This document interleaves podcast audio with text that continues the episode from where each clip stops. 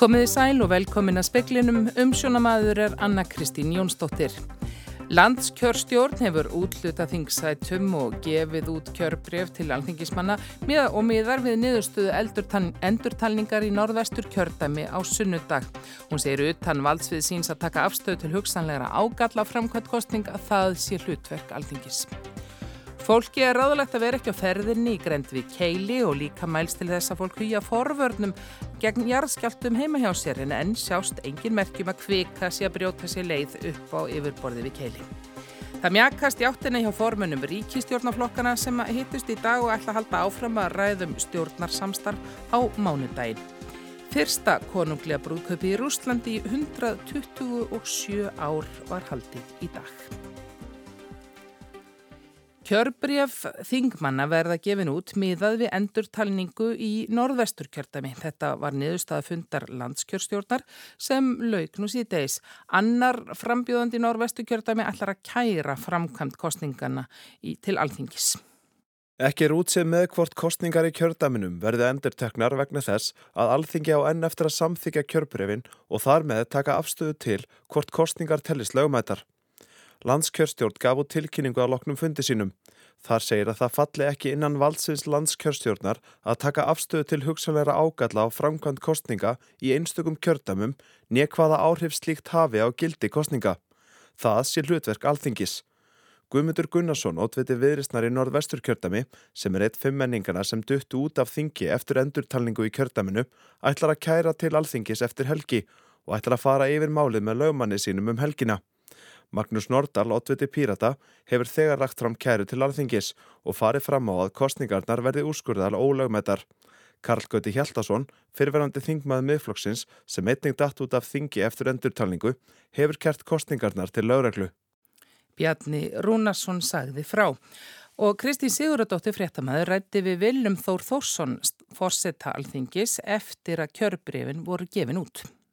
Hvað gerist þegar landskjörstjórn er búin að skila sínu? Jú, þá get ég sem starfandi fórseti alþingis uh, kalla formlega eftir tilnefningum flokkana í svo kallað undirbúningskjörbreyfa nefnd sem getur þá hafið rannsóknarvinnu á, á kjörgengi og, og kjörbreyfum og, og, og framkvæmt kostninga. Hvernig heldur þessu nefnd verið orðin fullskipið? Já, ég býð bara eftir því að fundi landskjörstjórnar ljúki og þá mun ég þá og þegar kalla eftir þessum tilnæmningum formlega og flokkarnir hafa nú þegar undirbúið sig og, og, og ætti að vera tilbúinir og geta svarað hratt og í kjölfærið þá mun ég bóða til fyrsta fundar sem að, að verður þá, þá og þegar á, á, á mánda. Sagði Viljum Þór Þórsson. Jarðskjálta rinna við keili hófst á mánudaginn og hafa skjáltarnir farið stækkandi eftir því sem liðið hefur á hana. Ekki er þó teljandi aukning í fjölda skjálta. En stæsti skjálti til þessa mæltist 3,8 og hann var á 12 tímanum í dag, upptökinn 0,7 km suð-suðvestur á keili. En sjást ekki merkjum að kvika sé að brjóta sér leið upp á yfirborðið og það verður ekki orðið vart við landris, ólíkt því sem greina mátti fyrir ár þegar eldgósið í geldingadölum hófst. Jarðskjáltarnir þá voru bæði talsvert fleiri og starri. Björn Oddsson, jarðeðlistfræðingur hjá almannavörnum, segir að skjáltarhinnan sé áminningum að Reykjaneskæin sé virt jarðskjáltasvæði, hættan á starri skjáltum sé ekki síðrein af eldgósi. Þannig að þetta er rétti tími fyrir, fyrir fólk að rifja upp forvarnir vegna, vegna jarðskjálta og suðvesturhóttunum. Og hvaða tilmælum er að beina til fólks í þeim efnum? Já, það er að hugað innanstofnsmunum. Þetta er svona sami söngurinn og við vorum með allt síðasta vor að passa upp á myndir og þungar stittur og hillur og annað og sérstaklega það sem að fólk eh, sefur eh, að, að tryggja það að þessi staði séu örgir og, og síðan er kannski svæðið í kringum keili ekki það ákjósanlegasta til útvistar í dag. Saði Björn Oddsson, Magnús Geir Eyjólfsson talaði við hann. Formen ríkistjórnarflokkana þryggja ætla ekki að ræða formlega um myndun ríkistjórnar um helgina. Þeir hittust í ráðarbústanum í dag og segja að óformlegar viðræður gangi vel og þeir ætla að hafa með sér heimavinnun í helgina hittast á mánundags morgun á nýjan leik. Þó að málefnalegur ágreiningur sjá millir flokkana þurfið að ræða hann áfram til boss, segir Katrin Jakobsdóttur formaður Vafge. Aðeins hefur verið tæft á skiptingu ráðunitta, segir Bjarni Bendiktsson formaður sjálfstæðisflokksins. Þetta er alltaf mjagast í rétta átt finnst mér. engin stórkosli vandamál, þekkjumst auðvitað vel og allt það en uh, okkur líður þannig að við þurfum að halda áfram að þess að tala saman. Er þið eitthvað fann að ræða að stokka upp ráðunitum, fjölga þeim eða skipta upp þeim sem fyrir eru? Lauslega rætta, við erum bara lauslega rætta. Finnur átakalínur, serðu fyrir þér lausnir á þeim? Já, það eru þetta alltaf átakamál millir þessara flokka að sjálfsögðu og það sem við höfum lagt upp úr er í raun og veru ekki að reyna sletta yfir þann ágræning heldur einmitt bara að ræða okkur til boss í þeim ágræningsmálum og það gekk vel á síðasta kjörtumabili. Við vitum hins vegar alveg að það er áfram ágræningsmál og það er það okkar verkefni að ræða okkur áfram til boss í því. Hluti af því að tala um hvernig næstu fjögur ár verða er þau sóknarfæri sem við sjáum í samfélaginu. Það er áskoranir sem eru þá núna en voru ekki fyrir fjórum árum og þar að leiðandi hvernig náum við því fram meðal annars með breytingum á á struktúr og kerfin, ráðnötum, stofnunum og slikum. Og þannig heyrði síðast í Sigurði Inga Jóhansinni formanni framsóknarflokksins, Marja Sigrún Hilmarsdóttir rætti við hann Katrínu Jakobsdóttir og Bjarnar Bendiktsson. Landsréttur snýri í dag dómi hérastóms Suðurlands og dæmdi mann í fimm ára fangelsi fyrir tilraun til mandraps. Maðurinn er sakveldur fyrir að hafa fyrir þremur árum í þólagsöfn stungið konu í kviðin með nýfi og í dómnum segir að honum hafi ekki getað dölist að lang líklegasta afleðingin af hátt sem hans yrði bani. Maðurinn saði fyrir dómi að konan hefði sjálf veitt sér áverkana. Hann var fyrir tæpu ári síknaður í hérastómi Suðurlands en ríkisaksoknari skoði skautmálinu til landsréttar sem sakveldan svo í dag. Starfsfólk flugfélagsins Play hefur ítrekkað leita til Alþjóðu sambands Íslands og kvartað undan slæmum aðbúnaði segir Drífa Snædal, fórseti ASI. Það sem við höfum gert er að eiga trúnaðarsamtal við fólk og þess vegna sko, er staðan í reyni þannig að fólk þóru ekki að koma fram undir nafni eða hættið að missa vinnuna. Þannig að við höfum farið með þetta sem trúnaðamál. Fólk hefur ekki endilega aðganga kjærasamningunum og, og hérna það veit ekki hvaða kjörum þeim bjóðast fyrir en í rauninni þau eru búin að fá launasælana. Saði Drífa Snædal. Nærtækasta dæmið sé þegar starfsfólk var beðið um að taka á sig skerðingu á starfslutfalli gegn því að fá fastrafningu. Stjórnendur play báruða fyrir sig að starfsfólkið hefði sjálft haft frumkvæði að því til þess að hægt væri að tryggja fleirum fastrafningu. En, en það var ekki rétt sækvæmt mínum heimildum að þetta hafi verið að frumkvæði starfsfólks að gera starfslutfalli sitt í tent. En svo var látið að liggja. Drífa hefur gaggrínt play fyrir að hafa gert samning við Íslenska flugstjættarfélagið sem ASI skilgreinir sem gullt stjættarfélag sem ekki sé óháð fyrirtækinu. Hún segir framgangu play aðförað launafólki á öllum vinnumarkaði. Við skulum hafa í huga að play er náttúrulega hluti af samtökum aðbúrlýsis þannig að þetta mun lita viðræður á næsta ári mjög hræsilega. Birgir Jónsson, forstjóri play, gefur lítið fyrir gaggrínina og kallar eftir því að drífa byrti gögn til stuðningsmáli sínu. Mér finnst þetta bara óraugstundar dilgjur. Það er enginn hvorki leita til okkar mér vitandi til stjættafélag þessar starfsfólk sem, að, sem umræðir. Uh, við erum fullkomlega lögulegan kjærasamning og, og, og hann stendst allar skoðun. Uh, það er búið að, að ASI og flugfélagi Íslands hefur reynd lagalegar hérna, ferla til þess að skoða þessi mál og, og koma þessi málstað sínum einhvern veginn áfram með lögulegum leiðum en það hefur ekki gengið en það stendst allt skoðun. Saði Birgir Jónsson, Hildur Margret Jóhannsdóttir tók saman. Fyrsta konunglega brúðkaupið sem blásið hefur verið til í Rúslandi í meirin öld var haldið í dag í Sankti Pétursborg. Georgi Mikhailovits Romanov, stór hertogi, gekk að eiga ítalska heitkonu sína viðstötu fjölmenni. Stórhertóin hefur list sig erfingja rúsnesku krúnunar. Hann er sonur Frans Vilhelms, Prúslandsprins og Marju Ladimirovu, stórhertóa innju af Rúslandi. Ætt maðginana ríkti í landinu frá 1613 til 1917 þegar bólsevikar brutust til valda, steiftu Rómanov ættinni af stóli og myrtu síðar Nikolás annan keisara og fjölskyldu hans. Georgi Mikhailovits Romanov og Rebecca Virginia Bettarini, dóttir ítalsks sendiherra, kynntust í Brussel þar sem hann starfaði við Þing Evrópusambandsins. Þau giftu sig í dag í Dómkirkju heilags Ísaks í Sankti Pétursborg að viðstötu fjölmenni. Þeirra á meðal voru prinsinn og prinsessan af Lítenstein, fyrirverandi konungur og drottning Bulgaríu, forsættisar á þeirra Luxemburgar og eiginmaður hans, rúsneskir auðmenn og svo Marja Sakarova, talsmaður utenrikisraðunettisins í Moskvu. 500 gestir verða í brúðkapsveislunni í kvöld. Þetta er í fyrsta sinn í 127 ár sem konunglegt brúðkaup er haldið í Rúslandi frá því að Nikolás Annar og Alexandra Keisarinja gengu í hjónaband. Frettamenn spurðu Dimitri Peskov, talsmann rúsnesku stjórnarinnar í dag, um afstöðu stjórnvalda til brúðkaupsins. Hann sagði að kremleverjar óskuða sjálfsögðu öllum brúðhjónum gæfu og gengis en Pútín fórseti ætlaði ekki að senda neinar árnaðar og skýr. Ásker Tómasson sagði frá. Um 2000 jarðskjáltar hafi dag mælst í hrinu sem hófst á mánudaginn söður að keili og sá stæsti skömmu fyrir hátegi var 3,8. Í yfirlýsingu frá almannavörnum í dag segir að skjáltavirkni sé áþekk því sem var við Fagaradalsfjall í aðdraganda eldgossins þar. Nýjustu mælingar síni engin skýrmerki um að kvika sé að brjóta sér leið upp en hún geti verið á reyfing og miklu dýpi. Von er á nýjum gerfitunglamyndum í næstu viku. En hvað tilur Þorvaldur Þorðarsson, professor í eldfjall eldfjallafræði að skýri skjálta hrinuna við keili. Mér finnst nú svona líklegt að þessi skjálta hrinna hún tengist uh, eitthvað flæði í hérna, þessar aðfarslaði sem er að fara að kviku upp í eldgósið í Kjeldingadölum eða farvartjalli. Þannig að, að ef við horfum tilbaka hans á sviðsmyndina sem var gerð í rétt fyrir þetta gós, þá vorum við búin að teikna þetta gang sem náður frá keilu alveg suður í farvartjall. Þessi skjálta er beint ofa við þannig að ganga þessu aðfarslæði sem menn voru búin að tegna hann inn. Þannig að það er all, allar líku sem benda á það að þetta sé, sé tenging á milli og þá er spurning út af hverju, hvað okkur eru við að fá skjáta hana núna og einn möguleg skýring á því var það að það er þrenging í góðsrásinni sem að kvikan er að flæða upp í, í keldingadölum og uh, sem að það þá gefur kvikun erfið fyrir að komast upp þar og þá kannski fyrir bara að leita annar en að finna sér auðvöldar að leið.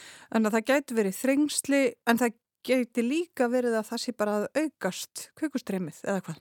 Ég, það er annars veisnitt, já. Það er sérstaklega að, að, að, að svo aðfæðslaði sem var að það fyrir og að, hefur verið að dæla kvökku upp í gegnum inn í Kjeldingadalum og, og inn í Kjeldingadali sjálfa. Hún getur ekki tekið við, það hefur orðið aukning í flæðinu og þannig að það getur ekki tekið við allu, við, tekið við viðbótinni og þá fyrir að leita hana og reyna að finna sér aðra leið til að komast upp. Hvernig veitum við Þorvaldur hvort er að gerast? Eða þá, sko, því að svo er nú líka reynd að tala um möguleika á flekarhefingum en þú ert svona heldur á því að þetta sé vegna kviku hvernig getur við vitað og hvenar vitum við hvort er? Sko, það er alltaf möguleikið að sé líka plötun nýg, sko, en, en mér finnst það svona ólíksað ef maður horfður bara á hvern, hvernig, hvað sjálftanir eru og hvernig í tengslum við þessa aðfærslega sem hefur verið í, í, gósin á undanhaldum mánu. Hvernig komst við að hvað, hvað er akkurat í gangi. Það er náttúrulega með áframhaldandi mælingum og hvernig rúmmálið á hraunbröðinni, hvernig það vext. Þannig ef að, ef að þetta er þrenging þá náttúrulega getur við gert ráð fyrir þessi sama kvíkumvagn að koma upp og ef hluta þér en að fara eitthvað annað þá náttúrulega mun draga úr uppstöfni gegnum gígópin í faradalfjalli og, og inn í hraun og, og streymi raunkviku inn í raunni þar. Þannig að þá myndi starðaraukningin á rauninu sína það að það hefur dreyið úr því. En ef þetta er aukning þá myndi sennilega vöxturinn á raunbröðin í farðarfjalli halda, haldast óbreytt og þessi nýja kvika þá er, er verið að viðbúti það sem, það sem hefur verið að koma upp og er þá að leita eitthvað annað. Það er ennþá eitthvað að gerast í geldingadölum, ég meina það er ennþá að koma upp kvikaðar þó við sjáum lítið til hennar. Já, það, er, það eru, eru mjög ákveðna vísbendið og það er greinileg streymi á kviku þarna upp í, í geldingadölum og inn í hraunni. Við sáum og við sáum glóð í hrauninu á síðasta sólafing og mjög mörgustöðum sem þýðir það að, að það er greinlegt að það er hraun að flæða þar undir og það hefur e, náða að sína sig á yfirborða þarna í, í, í skamman tíma hérna síðlega nótt. Og svo náttúrulega er þetta líka við, við horfum á gígan og horfum á hraunni ríkjaldíkotunum, það er stöðu afgöðsuna, sem er útstreymi gasa frá bæði gígnum og svo einsleika frá ákveðan stöðum í hrauninu. Og það er eina leiðins að við þetta slíku klíkri afgöðsun er það að við séum að fá nýja kveikvinn þess að kveika sem kemur til viðbót hún tapar gasinu þannig við að viðbót til þess að við halda þessari, þessu útstreymi gasa. Þannig að gígurinn og, og geldingadalir, það er síður en svo allt búið þar. Já, já, það, það virðist vera tölvögt í gangi þar ennþá þó að það sé fyrst og fremst hérna, undir yfirborðinu. Þannig að það er ekki allt sem sínist. Nákvæmlega. Þorvaldur Þorðarsson, professor í eldfjallafræði og bergfræði við Háskóli Íslands. Takk fyrir að ræða við okkur í speklinu. Og það var Ragnhildur Torlansíu sem rætti við Þorvald fyrir í dag.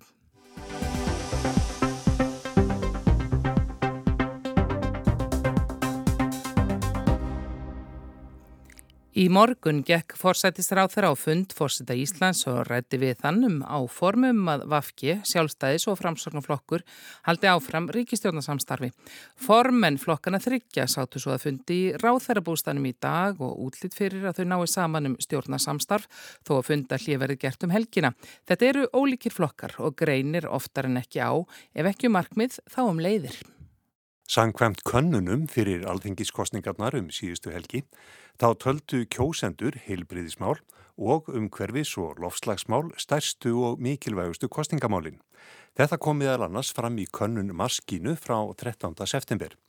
Í kostingabarottunni lögðu allir flokkar áherslu á þessi mál. Allir vilja upplugt heilbriðiskerfi og að teki verði á lofslags- og umhverfismálum. Leiðirnar sem flokkarnir vilja fara eru hins vegar ekki alltaf þær sömu. Það blasir við að ríkistjórnarflokkarnir þrýr sem nú ræða saman um flöta og áframhaldandi samstarfi þurfa bæði að semja og miðlamálum í þessum mikilvægu efnum. Þeir ganga þar ekki í takt. Bílið er lengst á milli vinstirgræfna og sjálfstæðisflokks en framsókn situr þarna á milli. Bæði þingmenn framsóknarflokks og sjálfstæðisflokks hafa líst yfir evasemdum og ég fylg anstöðu við hálendistjóðgarðin sem vinstrigrænir leggja mikla áherslu á og verður fróld að sjá hver lendingin verður í því máli í fyrirhugðum stjórnarsáttmála ef hún næst. Einn klassíska deila um vægi ofinbærsrekstrar og eða engarekstrar í heilfríðiskerfinu gæti líka reynd verulega á. Við skulum til fróðleiks rifja upp hvað fórustumenn flokkana þryggja lögðu áherslu á í heilbriðismálum í þáttónum fórustusætið í sjómarpinu fyrir kostningar. Byrjum á Bjarnar Benedísinni, formanni sjálfstæðisflokksins. Við trúum því að við hugsum helbriðskerfið út frá þörfum fólks. Þeirri þjónustu sem fólk sækist eftir, þá sé hægt að komast út úr þessum kreddum sem að hafa oft enkjent umræðum helbriðsmál og varða það að það skipti öllu, það sé heiði ofinbera sem veiti þjónustuna. Blandað kerfi þar sem að fjármagnið kemur úr ofinberum sjóðum, þar sem að við erum með ofinbera helsu tryggingu í raun og veru að bakvið alla þjónustu sem þarf að veita er það sem við trúum á. Förum bara meira að hugsa þetta út frá þörfum þeirra sem að þurfa að sækja þjónustuna og ræðum minna um það að það skipti öllu að færa þjónustu þáttinn sjálfan inn undir uh, þakk hins ofinbæra. Þetta er kannski svona kjarnin í því sem við eigum við með þessu. Við munum þurfa áfram að auka framlögin í helbriðismál. Þau eru eitt stæsti útgjaldaliðurinn sem við stöndum undir. Mér finnst bara daburt, satt best að segja, að umræðan á Íslandi sé ekki dýbri heldur en svo að við séum bara stödd í umræðinni býtu þarf ekki örglega meiri framlög já eða nei. Við þurfum að komast miklu lengra en þetta. Þetta er eitt stæsti útgjaldaliður okkar. Við þurfum að vera miklu betri að greina og svara spurningunni hvar eru við að ná góðum árangri, hvar getum við gert betur. Þið hafið talað um að, að þið viljið flytja hluta heilbyrðistjónustunni yfir á enga fyrirtæki. Eru við að tala um það að fólk geti borgað sig fram fyrir röð í heilbyrðiskerfum? Það sem gerist þegar að uh, myndast byðræðir eða eins og til dæmis til skams tíma var það þannig að sjúkraþjálfarar gátt ekki komist inn á samning hjá sjúkratryggingum á þess að hafa starfað í tvö ár hjá henni ombera. Þannig myndaru uh, tvöfalt kerfi. Við erum ekki að byggja um að það sé einhverjir ákveðnir þættir helbriðiskerfisins teknir frá henni ombera og færðir til enga gerans. Við erum einfallega að tala um það að það þurfa að tryggja flæði og samstarf þessara eininga og við höfum ekkert verið neitt sérstaklega góð í því sagði Bjarni Beinindisson í samtali við Heiðarörn Sigur Finnsson og Sigriði Hagalin Björnstóttur í fórustusætinu. Katrín Jakobsdóttir, formaður vinstri reyfingarnar Græns Frambós, var á dálítið annari línu þegar hún rætti við sömu stjórnendur. Viljið þið að ofinbæra hilbilskerfið sinni öllum læknisverkum eða hefur ekki verið sínt fram á að engaregstur dögar bara ágætlega til þess að sinna afmörkuðum læknisverkum? Sko, rannsóðir hafa einmitt sínt fram á að bestu heilbríðiskerfi heimsins eru hinn félagslegu ofinberu heilbríðiskerfi sem eru þetta undir staðan í íslenska heilbríðiskerfinu. Og það sem við sögum fyrir síðastu kostningar og stóðum við var að þarna hefur í raun og veru verið mikil uppsöfnu þörf til þess að bæta í rekstur og styðja betur við kerfið og það er það sem við höfum verið að gera. Og fyrir því finnur fólk alveg. Fólk finnur fyrir því hvernig þjónusta helsugjastlunar er til að mynda orðin fjölbreyttari og betri vegna þess að við höfum verið að styðja við reksturinnar. Finnst þið réttlætanlegt eins og nú er að senda sjúklinga í bygglista aðgeri til útlanda þegar það er hægt að vinna þér hérna heima á yngastofu fyrir helmingilegra fjár. Já, þetta er auðvitað bara hluta þessari heildarmynd sem skiptir svo miklu mála að hafa. Og þess vegna vil ég nú líka ljúka því að svara spurningunni það þetta snýst ekki um það að við í vinstir grænum séum á móti öllum engarekstri. Hins vegar höfum við tekið mjög alvarlega þar ábyrtingar sem til að mynda hafa komið fram frá ríkisendurskoðunum síðustu samninga við sérgrannarlækna, svo ég vitni til dæmis til þess, að það skiptir málega um þetta ríkið greini á hvernig þjónustu þörf að ríkið hafi ákveðið þak á þeim samningum sem það gerir, að það sé eftirlit með þeim samningum og eftir þeirri stefnu, þeirri helbriðstefnu hefur verið unni, en þetta tekur tíma. Sagði Katrín Jakobsdóttir í fórustu sætinu í fyrra mánuði. Þegar Rakel Þorbergsdóttir og Baldvin Þorbergsson rættu við Sigurð Inga Jóhansson, formann framsóknarflokksins, um heilbriðismálinn þá mátti glögglega heyra hvers vegna flokkurinn getur hallað sér bæði til vinstra og hægri og kannski finnst lendingin í ágreiningnum í tilvonandi ríkistjórnaþreymingum einmitt þar. Börum aðeins yfir í helbiðismálinn. Þið segið að þið viljið skoða hvort það sé tilumni til aukins engaregstus eh, í helbiðiskerfinu. Það vekur svolítið aðtegli að, að það er ekkert minnst á landsbítalan í, í ykkar kabla um helbiðismál. Eru skilabóðin sem eru að senda þau að vandi helbiðiskerfisins verði listur utan spítalans? Nei, við erum ekki að bóða einhverja eina stefnu, einhverja prinsip sem þú ferði ekki út af. Við erum að segja einfallega, hér er verkefni, það þarf að leysa það en við erum í mikill uppbyggingu á landsbytalanum. Það eru fá ári í það að stóri meðferðarkjarnin og önnur starfsemi komist þar á laginnar. Við höfum verið að bæta í fjármagn en það er fólk að lenda á mikil kerfa og við höfum til dæmi sagt að, að bygglistar sem að eru of miklir í dag að við myndum vilja nálgast það þannig að, að verkefni, skulum bara segja að, að fara í einhverja tiltekna aðgerð sem við komum bygglisti á að það sé eðlilegt að bjóða hana út. Og geti það verið einhver enga aðeil á Íslandi sem bjóði það best þá sé sjálfsagt að kaupa einhver hundrað aðgerðir af, af slíkum aðeila í staðin fyrir að í einhverju kerfi týðið það ellegar að viðkomandi leiti til, til svíþjóðar eins og við þekkjum fyrir þrísusunum herru upp að okkur finnst þetta ekki skinsamlega nálgun, við erum bara að segja við viljum leita skinsamasti lausna í, í hvert sinn. Við erum með blandað kerfi á Íslandi, heilbriðiskerfi og við viljum bara nýta kostið þess betur og láta þau tala betur saman. Það er sóun í þessu kerfi það. Sjáu þið þá fyrir ykkur að nota kannski hérna, ykkakerfið eh, þegar þið er að tala um að, að þið vilji stóru efla heilbríðstjónustunum utan sjúkrastofnuna. Er, er það það sem þið eru að tala um að, að leita þá frekar? Það þarf ekki vera. Í, í það, getur, það getur eins og verið. Við vorum að tala um, um hérna, starfsemi sveitarfélagana um ef þau tækju yfir hjúgrunarheimilinn í meira mæli en við vitum líka að við erum með heimili sem eru reygin á öflugum félagsamtöngum og það hefur líka gengið vel. Við eigum bara einfallega ekki að segja að það sé einhver ein leið sem er rétt þegar þið augljósa liggur á borðinu að hinn blandaða leið er best en við þurfum að vinna úr lausnunum á því borði. Sagði Sigurður Ingi Jóhansson og þarna heilist líka í Katrínu Jakobsdóttur og Bjarnabendit sinni Kristján Sigur Jónsson tók saman.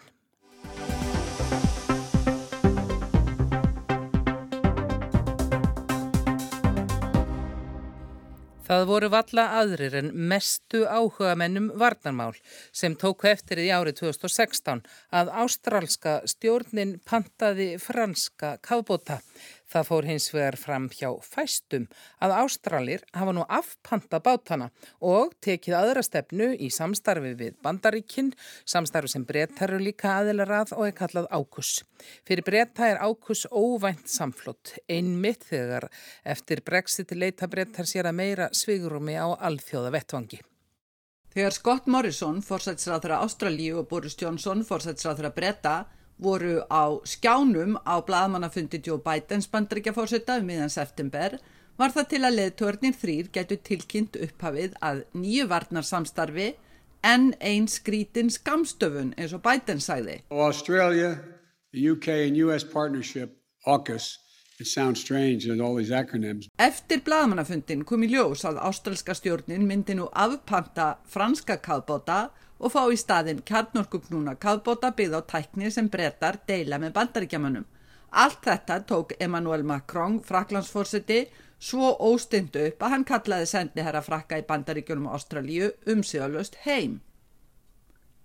Macron var kannski enn reyðar en ella því nú á leiðtóafundi G7 ríkjana í sumar virtist fara engar vel á með Macron og Biden. Í viðurvist Macron sæði Biden að Evrópa mætti treysta því að bandaríkin væri nú aftur mætti leiks, anstæðan við slagor forverans Donald Trumps um bandaríkin alltaf í forgangi. Macron sæði þá að já, fórista snýrist um að mynda bandalög.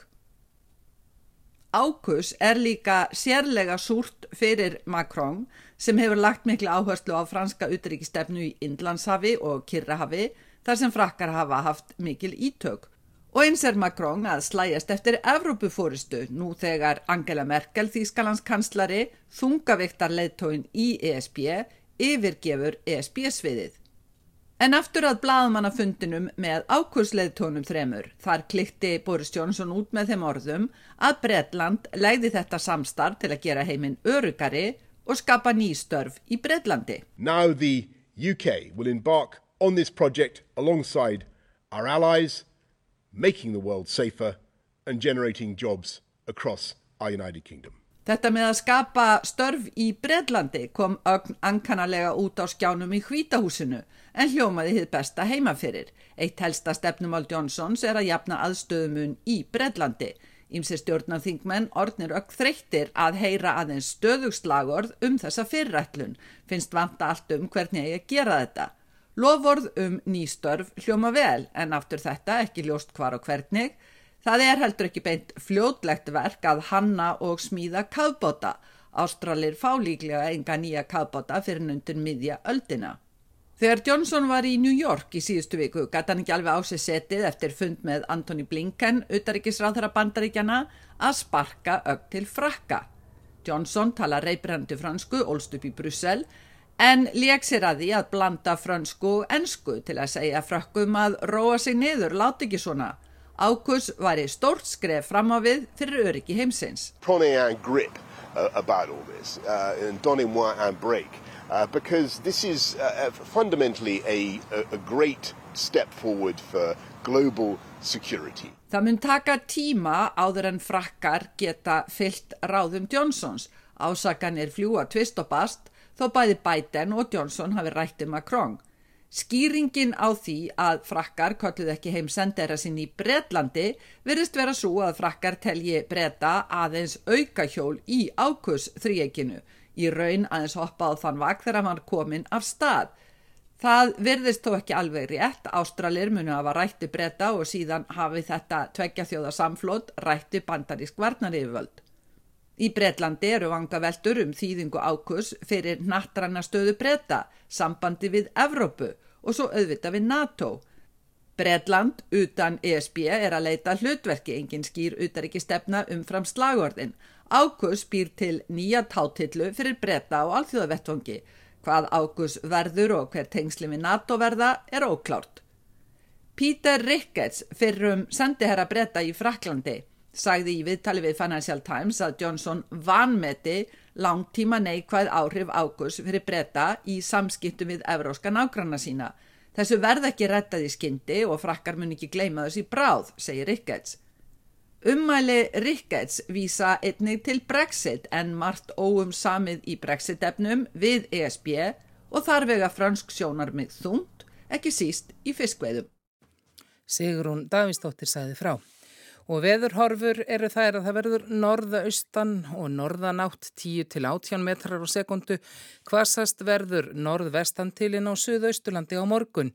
Víða rigning en bjart með köplum á suður og suðvesturlandi. Hiti á bylinu 3 til 10 stig og hlýjast verður siðst. Fleira er ekki í speklinum í kvöld eða þessa vikuna. Tæknum aður í útsendingu var Magnús Þorstein Magnússon veriði sæl.